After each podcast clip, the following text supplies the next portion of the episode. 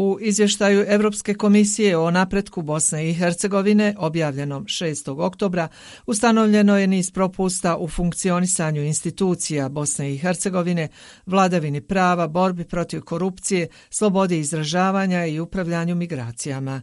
Neke od iznesenih stavova komentariše Igor Davidović, nekadašnji glavni pregovarač Bosne i Hercegovine sa Europskom unijom i bivši BH ambasador pri Europskoj uniji u Briselu. Bosna i Hercegovina je pretrpjela prilično oštre kritike zbog zastoja u gotovo svim oblastima. Da li ste očekivali ovakav izvještaj? Ja lično sam očekivao upravo takav izvještaj, znate, na bazi našeg iskustva koje je trajalo od 2006. kada smo otpočeli prvu rundu pregovora sa Europskom unijom. Naravno da su procjene bazirane na nečemu što je realno.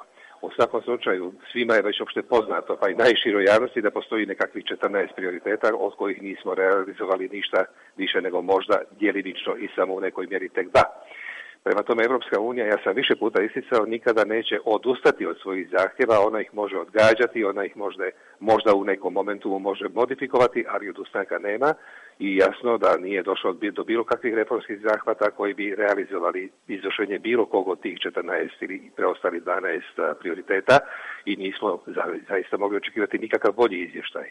Drugo je što bi recimo svaka država koja se predstavlja kao ozbiljan aspirant ili pretendent ne samo na kandidaturu, nego i na članstvo u Europskoj uniji. Trebalo da pokrene i pitanje odgovornosti ako se godinama opetovano postavlja ista količina uslova koji se opetovano ne izvršavaju, znate, oni koji daju deklaratorne izjave da ćemo mi to sve uraditi, trebalo bi da podnesu i odgovornost za ono što nisu uradili. Ovih dana čuli smo čak i zahtjeve iz, da kažem, određenih krugova za ostavku savjeta ministara, što po meni ne zvuči ni malo nelogično, jer ako ste sada rekli da ćete za godinu dana izvršiti sve ono što nismo godinama napravili, a zato niste dali nikakve garancije, a to ste obećali i nakon prethodnog izvještaja, onda bi neka država koja ima zaista ozbiljan državni vrh ili rukovodstvo sa jasnim opredelenjem koje se zove evropske integracije trebalo da postavi i pitanje odgovornosti svih nivoa pa i onog najviše koji je propustio da učini ono što se više puta izjasnio da će učiniti. Dok je izvještaj dokumentovao zastoje i negativne pojave, predstavnici vlasti, na primjer predsjedavajući vijeća ministara Zoran Tegeltija, smatra da europski zvaničnici nisu prepoznali napore Bosne i Hercegovine u provođenju reformi. Šta mislite o tom alibiju?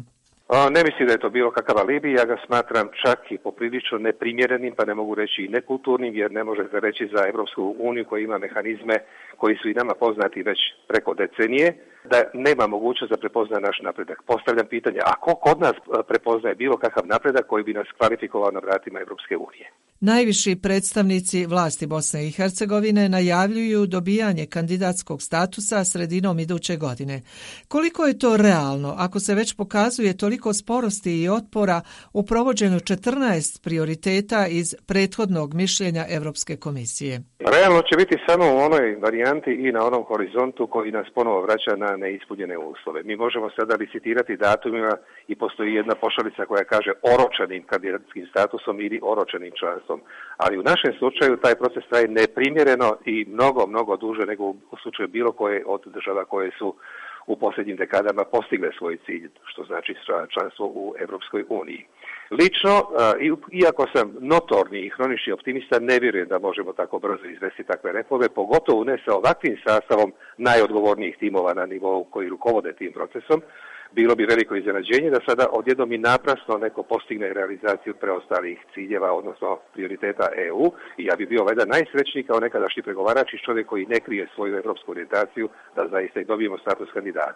Da je bilo pameti, mi smo taj status trebalo da ga dobijemo odavno, pa da onda kroz pristupne pregovore pregovaramo o svemu onome o čemu sada kumulativno svakog mjeseca pregovaramo sa nekim novododanim uslovom. Izgledi za kandidatski status su u podjednakom domenu odgovornosti i nas i Evropske unije. Prema tome, Evropska unija se već izjasnila o tome šta traži da bi se odobili status kandidata, a mi još uvijek vodimo nekakve darvinovske ili ezopovske debate o tome hoće li se primijeniti presuda suda za ljudska prava u slučaju Sejdić Pinci ili neće. Ne vidim na horizontu da ćemo prije realizacije tog zahtjeva dobiti status kandidata, a ponavljam, i više puta sam moram to reći veoma iskreno, i državno rukovodstvo i neku državnu elitu koja se možda tako može nazvati ili opisati upozoravao što prije postignemo status kandidata, neka nam pregovori o članstvu traju 15 godina, a ne iščekivanje da li ćemo uopšte biti pomenuti kao kandidat, kamo li dobiti status kandidata. Važnije od dobijanja statusa je u stvari provođenje reformi, što zaista ide veoma sporo.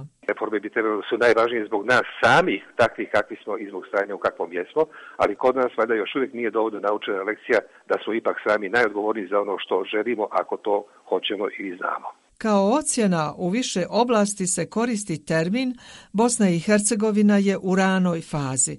Na primjer, u ranoj fazi reforme javne uprave ili pravosuđa. Kako građanima Bosne i Hercegovine objasniti ovakvu odrednicu? Kada se kaže da je nešto u ranoj fazi, to je eufemizam koji se koristi u engleskom jeziku da bi se označilo da nešto u principu i ne postoji ili se i ne dešava.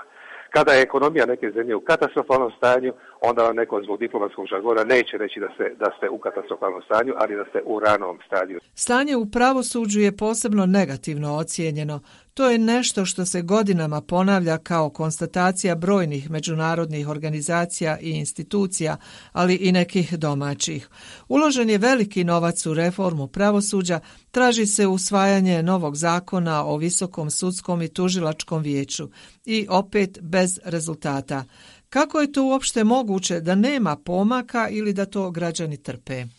Nažalost, pravosuđe je također e, jedan, da kažem, jedna oblast društvenog života ili da kažem treći stup vlasti u BiH, koji je na, u posljednje vrijeme svjedočimo nizu potresa, skandala, neželjenih stvari i čini mi se da je riječ o jednom sistemu koji je poprilično nagrižen. Ne bi trebalo da bude izrađenje to samo po sebi, jer ne vidim koja je to oblast društvenog života kod nas nije nagrižena i korupcijom, i skandalima, i zloupotrebama. Evo sada se to dešava i u pravosuđu, ako bismo krenuli u nabranje gdje to sve još možemo naći, lista bi zaista bila podugačka i vidite to je razlog zašto Evropska unija prepoznaje ono za što naši rukovodioci odgovorno tvrde da Evropska unija ne prepoznaje u svom monitoringu. Šta mislite da slijedi? Otrežnjenje onih koji odlučuju o sudbini Bosne i Hercegovine i svih nas koji tu živimo ili i dalje političke blokade, nesuglasice, svađe? Normalnim društvenim zajednicama otrežnjenje dolazi jednom u četiri godine kroz aktivnosti biračkog, biračkog tijela i na izborima ali to odraženje kod nas kasnije zbog razno raznih manipulacija, ali ono što je možda najdramatičnije u svemu tome da se kategorija odgovornosti u našem društvu ne samo u pravilnom smislu, nego čak i u socijalnom i u moralnom, pa evo da kažemo i u izbornom smislu, kategorija odgovornosti se skoro potpuno istopila. Ne vidimo je. Šta bi mogla biti posljedica za građane? Posljedice za građane su upravo onakve kako je to u prošlom izvještaju Europske komisije u mišljenju o, o, napretku, kako rekao ste u BiH rečeno.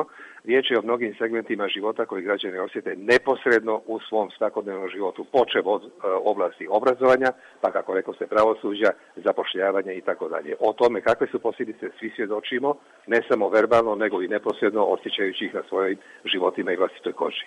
Ako je članstvo u Europskoj uniji jedina varijanta budućnosti Bosne i Hercegovine, čemu slabi rezultati BH političara koji bi morali odlučnije voditi zemlju prema punopravnoj članici Europske zajednice naroda?